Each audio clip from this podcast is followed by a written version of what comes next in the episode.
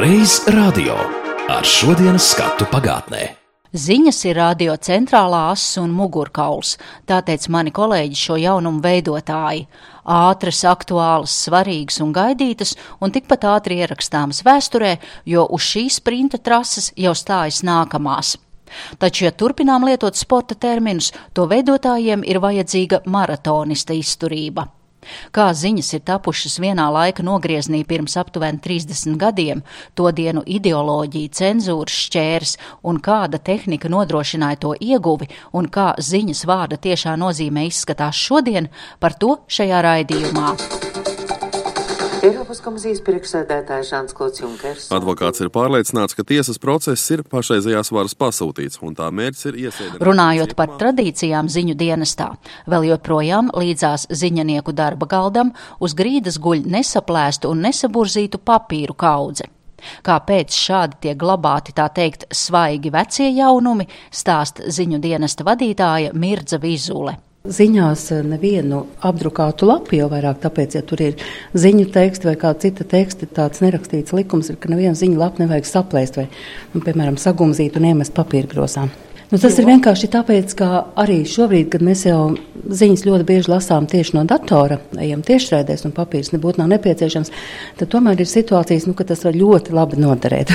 nu, ir tādi gadījumi, nu, uzkaras dators, nu, vēl notiek kaut kas, un tad vienkārši paņem to lapu un ir kaut kāda izēja, ka tu vari iziet no situācijas, izglābt ziņu raidījumu vai vēl kaut ko. Nu, ir gadījumi, kad arī šobrīd tas palīdz.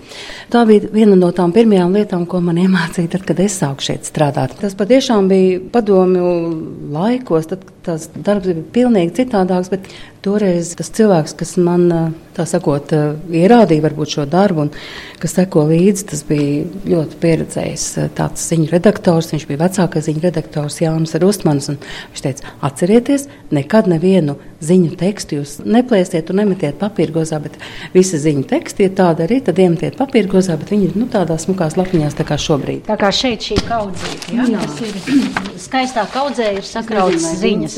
Tādiem nolūkiem, mm. tur vai kādiem citiem, bet nu, tā ir tāda lieta. Jā, es atceros, tā, kad es sāku šeit strādāt. Nu, tad rādio, protams, ka visi zināja mikrofonu, visi zināja dzirksteli, jauniešu raidījums, literāros raidījums. Un tas bija tas, ko pārsvarā klausījās. Nu, ziņas tā bija tāda ideoloģija. Es atceros, kad atnācu šeit strādāt, un es arī mēģināju saprast no kolēģiem, aprunājoties, nu, kāds būs tas darbs un kas tur īsti jādara. Un tad tā atbilde bija pārsvarā no visiem. Tu zini tikai nejautā, ko viņi tur dara. Tajā gaitenī tur tie trīs logi, tur ir pēdējās ziņas, bet mēs neko nezinām, kā viņi strādā un ko viņi dara. Nu, jā, un tad es tā arī metos iekšā tajā nezināmajā dzīvē un bija trāpīts, ka tad jau nāca lielās pārmaiņas, kas patiešām bija liels pārmaiņas. Un, nu, un šobrīd mēs nu, zinām, ka ziņas ir tā radio, tāda radio tāds radio mugurkauls.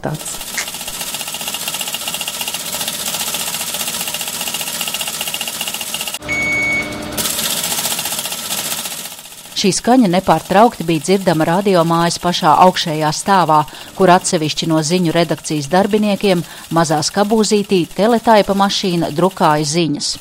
Meitenes, kuras te dēvēja par teletaipistēm, izdrukātos papīra ruļļus nesa un nodeva, kā toreiz teica, informācijas redakcijas darbiniekiem, kuriem šie papīru palagi bija jālasa un tad jārediģē.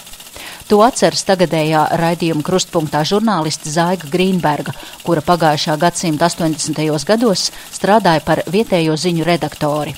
Zaiga uz šo sarunu ir atnesusi jau nodzeltējušas ziņu lapas, gan mašīnrakstā sagatavotas, gan gabaliņu no teletaipa izdrukātā materiāla. Tas ir no tām lentēm, no tām teletaipa lentēm. Viņas tā tad bija tādas garas, no viena otrai galā, un tad viņas eh, ir sākušas. Nu, Šīs ir kurš gads tas ir? Tas ir 18. janvāris, 91. Jā. Karaspēks ir gatavs Latvijā organizēt, izdarīt militāru apvērsumu, teica deputāts Linārs Muciņš preses konferencē. Tas ir barikāžu laiks. Jā. Mhm. Nu, un te var redzēt, ka tā ziņa jau ir sagriezta un jau uzlīmēta, jo mēs strādājām ar šķērēm un ar līmi. Tad mēs uz A4 lapām līmējām tās ziņas un likām vāciņos. Un gadījās vēl, ka mēs nesām gatavās ziņas lasīt galvenā redaktora vietniekiem, un redaktora vietniekam nepatika, kā ir izradiģēts, vai par gāru, iespējams, vai drusku nesakarīgi. Un tad vajadzēja nest pārakstīt. Un bija viens tāds Jānis Rusmans, viņš bija ļoti sīkumains, un bija tāds reizes, ka vajadzēja pārakstīt kādas divas reizes, un tad gandrīz vai atgriezās pie tā pirmā varianta. Tā arī gadījās. Stilistiski tur bija viņam nepatika teikumu vārdu izkārtojums. Galvenokārt, jā, galvenokārt, jo saturs jau, nu, kas tur tas saturs bija? Laikā no 80. līdz 90. gadiem, kad es strādāju par ziņu redaktoru, mēs runājām par rūpniecības sasniegumiem, par sociāliskās sacensības rezultātiem, par to, cik daudz produkcijas saražojas VEFs un citas mūsu rūpnīcas. Mēs runājam par kolhozu darbu, cik tur saražots ir, kādi tur apbalvojumi ir piešķirti tiem labajiem darba darītājiem. Protams, ka bija arī kultūra un tādas lietas. Tad visas šīs ziņas gan par piecgadas sasniegumiem, kolhoziem un partijas plēnumiem un lēmumiem, vai šīs ziņas nāca pat tām minētajām teletaipu lentām? Nu, galvenokārt, jā, bet mums jau bija arī mūsu paši korespondenti, kur paši rakstīja ziņas. Es atceros, Aleksandrs Vaivars rakstīja par rūpniecību, rakstīja ļoti schematiski. Ko tas nozīmē? Tur varēja būt schēmiņas. Teiksim, tajā uzņēmumā tur ir sasniegts tas un tas, un saražots tik un tik, un tad atkal bija pirmrindnieku godināšanas. Nu, tur varēja vienkārši skaitļus mainīt. Tu ienāci šeit padomi laikos, vai tu atceries, vai to laiku arī bija saistībā ar ideoloģiju kaut kāda cenzūra? To, ko pārbaudīja, ko meklēja tekstos cenzori, tas ir jājautā viņiem pašiem. Vai tas bija ideoloģiski? Nē, viņiem bija savu priekšrakstu, viņiem bija savas grāmatas, kurās bija noteikts, kas drīkst skanēt un kas nedrīkst skanēt. Un, un tad viņi vai nu svītroja, vai arī lika izgriezt no ierakstiem laukā to, kas nedrīkstēja būt. Tie bija cilvēki no tā saucamā glavļita. Galvenā literatūras pārvalde, vēlāk viņa sauca valsts noslēpumu glabāšanas eh, komiteja. Katru ziņu izlaidumu mēs nesām viņiem lasīt. Vakaros, teiksim, viņi nāca paši lejā, mums apsēdās pretī, un mēs gan ziņas taisot pļāpājam ar viņiem. Nu kā, nu, tie bija cilvēki, ar kuriem mums bija jāstrādā kopā. Tad, kad mums bija tās ziņas gatavas, tad mēs nesām lejā.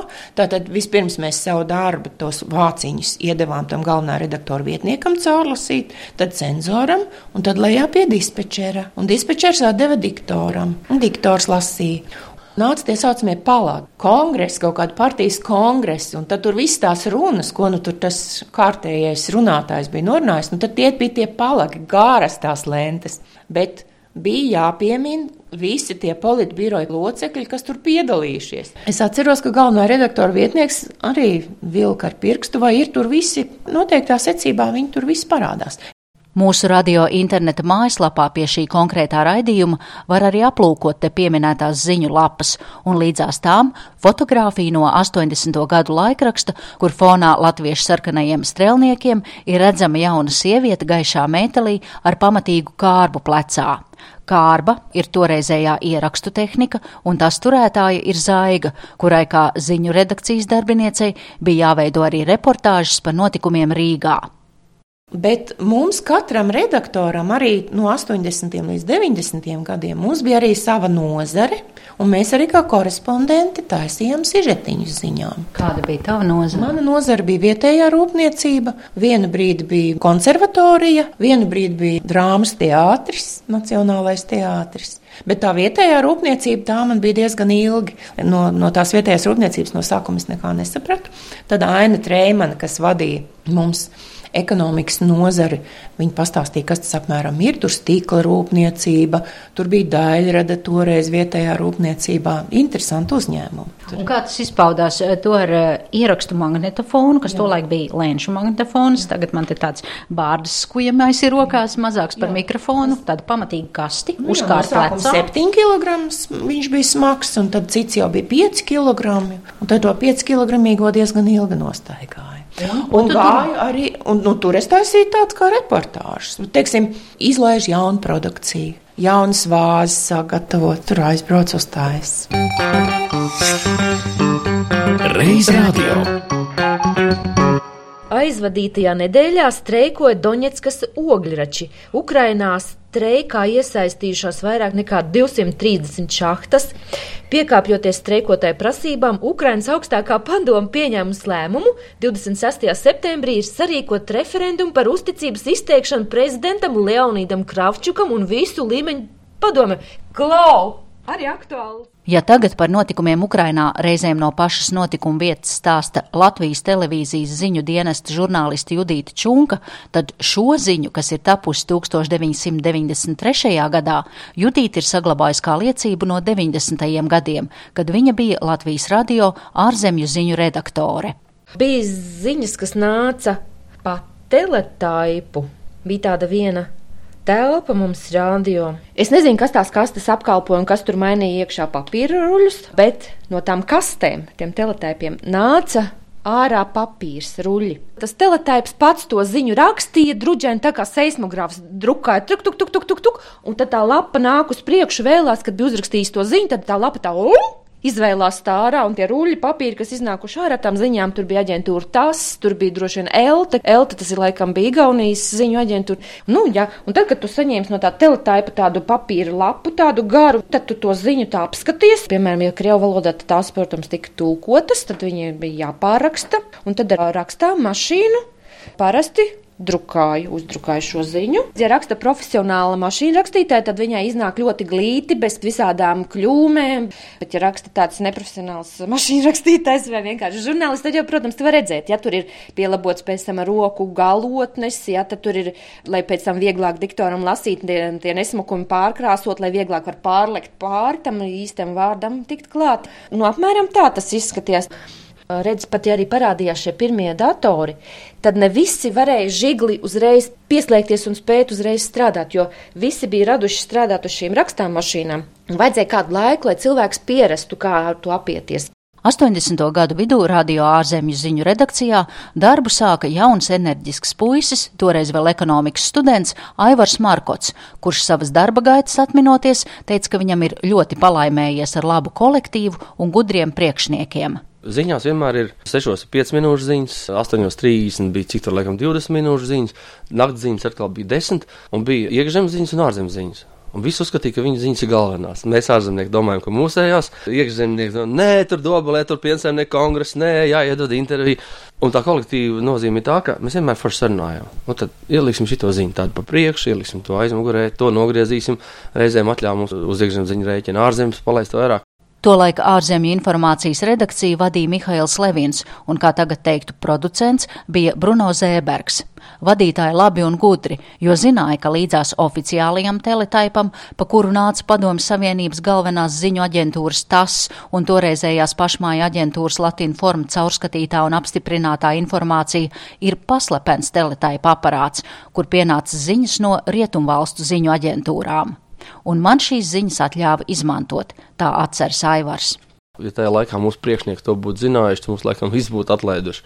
Mēs tie ārzemnieki bijām pilnīgi traki cilvēki. Pirmkārt, jāpiemina to, ka daži no viņiem šobrīd arī, diemžēl, vairs nav mūsu vidū.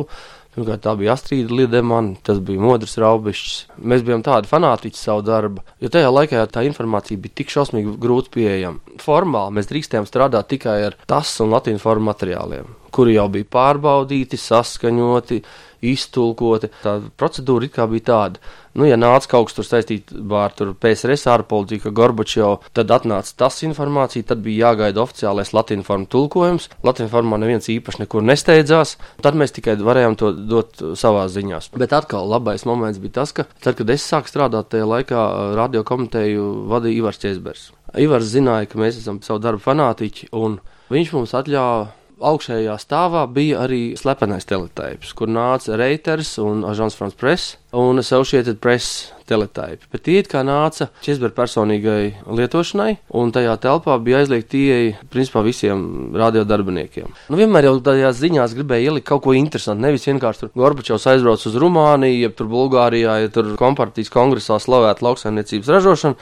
bet tajā laikā daudz interesants notika pasaulē, un tad, nāca tā informācija no pirmavotiem nu, tā bija tā tāda oga maize mums vispār. Mēs ar tādu kaifu. Un pie tam mūsu priekšnieki zināja, ka es to informāciju viņam it kā neatļautu. Es viņu pats arī tulkoju. Jo nebija jau kas tulko un nevarēja dot latviešu formām. Ceļš ar modraubišķi. Mēs vienmēr izbaudījām tos brīžus, kad mēs bijām iebāzuši kaut kādu tādu informāciju, kas pēc idejas nedrīkstēja nemaz parādīties. Kas no reiters nāca? Jā, tur nāca. Es ļoti labi atceros arī, kad uh, sākās Polijā tā atmodas kustība. Mēs devām tādas ziņas, ka pāvests sveicis Lehu Valensu. Pēc tam, protams, mūsu priekšnieki dabūja pa galvu, bet viņi vienalga mums to ļauj darīt. Mēs runājam par pagājušā gadsimta 80. gadiem. Jā, jā. Un uh, pirms tam tava bijusī kolēģi Zai Grīnberga, kur bija vietējo ziņu redaktors, stāstīja, ka bija jādod cenzoriem tās ziņas. Un, ja tu tagad stāsti par šīm nelegālajām ārzem ziņām, tās nebija cenzoriem jādod. Protams, ka bija jādod. Ar tiem cenzoriem bija īpatnēji, jo viņus vairāk interesē tās vietējās ziņas. Tur tā cenzūra bija tik bezjēdzīga, sakonspirēta, ka, piemēram, tur nedrīkstēja teikt, cik tur kaut kāda torņa atrodas kaut kādā liepājas rūpnīcā rūpnīcā, jeb cik tālu no kaut kurienes atrodas kaut kāds benzīna buļbuļs. Nu, kaut kāds murgs vienkārši. Ja? Tas cenzors vienmēr nāca tādu blociņu, kur viņam bija kaut kādas pēdējās instrukcijas, un tad baigi rūpīgi skaties.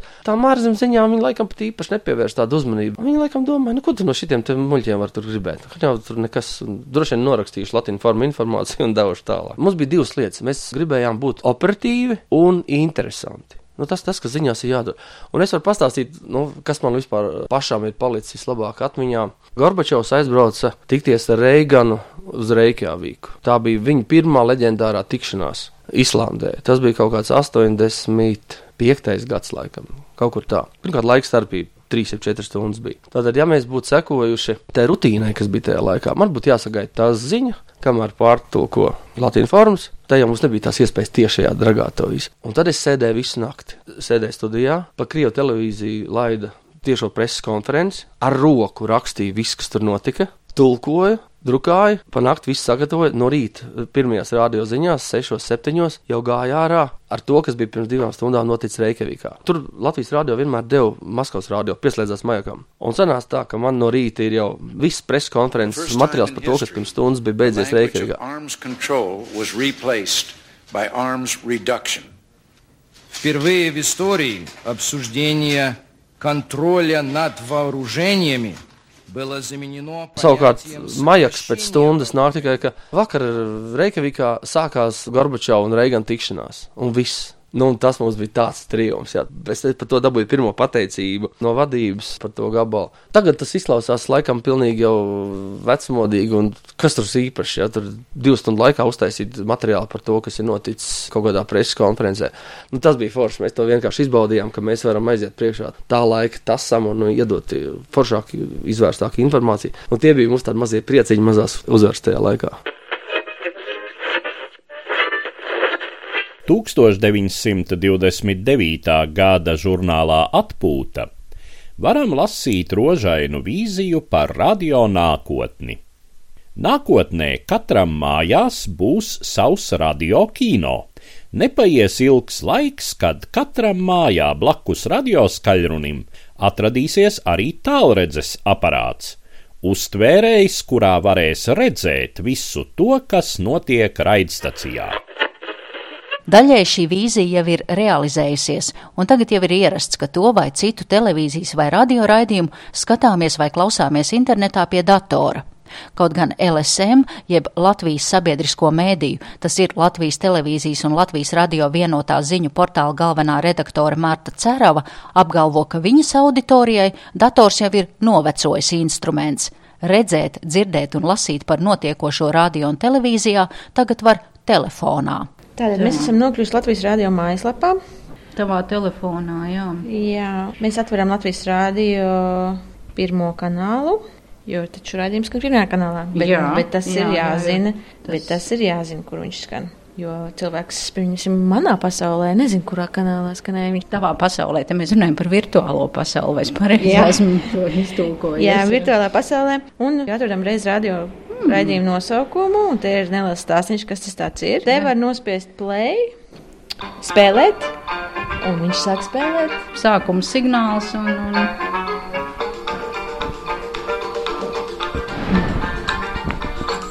3. februārī LSM portāls, ko var dēvēt par šo laiku jaunāko ziņu pasniegšanas veidojumu, svinēs divu gadu jubileju. Šī brīža rādītāji liecina, ka Latvijā ziņas par notiekošo Latvijas radio un televīzijā aptuveni 200 tūkstoši cilvēku lasa savos vietālruņos vai planšetdatoros. Viss sākās ar to, ka par laimi abi mēdīji vienojas par šo, ka jauns bērns ir jārada. Un faktiski sākās ar to, ka jā, mēs šos ziņu cilvēkus skubinājām tikt līdzi laikam, šos radio ziņu cilvēkus pārmainīt savu domāšanu un spēt ražot arī saturu interneta videi. Un tas, manuprāt, ir diezgan labi arī izdevies šajos divos gados. Sākumā bija diezgan grūti ar to, ka mēs teicām, jā, mums vajadzētu no jums arī bildes. Jūs radio cilvēki, tagad lūdzu, ejot intervēt šos brīnišķīgos cilvēkus, parādiet mums lūdzu, kā viņi izskatās. Jo tiem, kas skatās internetā, telefonā, tiem gribās redzēt, ne tikai dzirdēt. Tad mēs viņiem sākām prasīt, bet varbūt jau mums var pastāstīt, kas tur notika vēl pirms radio ētera, pirms tās ziņu izlaiduma. Mums nevar noformulēt savu domu, mums teica sākumā, jo nu, cilvēki pieraduši strādāt eh, citā režīmā, atnākt atpakaļ uz telpām, apdomāt un skaisti salikt šo audio stāstu. Mēs viņam prasījām uzreiz stāstīt, kas ir noticis. Un tad šajā laikā, arī divu gadu laikā, mēs esam pieredzinājuši faktiski cilvēkus strādāt kā ziņu aģentūrai, ne tikai kā radio. Un tad mēs sākām prasīt, varbūt vēl ar to telefonu var arī nofilmēt kaut ko. Un tā mēs pa tādām pilienām, pa pilienām šo cilvēku uztaisam par tādu multiplatformu ražotāju. Un ir prieks skatīties, kas ir noticis. Vai tavs darbs tev ir visu laiku kabatā, ja es tagad skatos uz telefonu? Mans darbs man ir visu laiku līdzi, ir ēpasti sasinhronizēti, ir visi sociālie tīkli sasinhronizēti. Visu laiku var apskatīties, ko kolēģi ir izdarījuši visās valodās. Jā, darbs visu laiku ir līdzi. Tas, kas skan šodien, rīt jau būs vēsture arī šis raidījums, bet pateicoties modernajām tehnoloģijām, to var un cerams arī nākotnē varēs atrast virtuālajā vidē. Raidījumu veidoja Zane Lāce.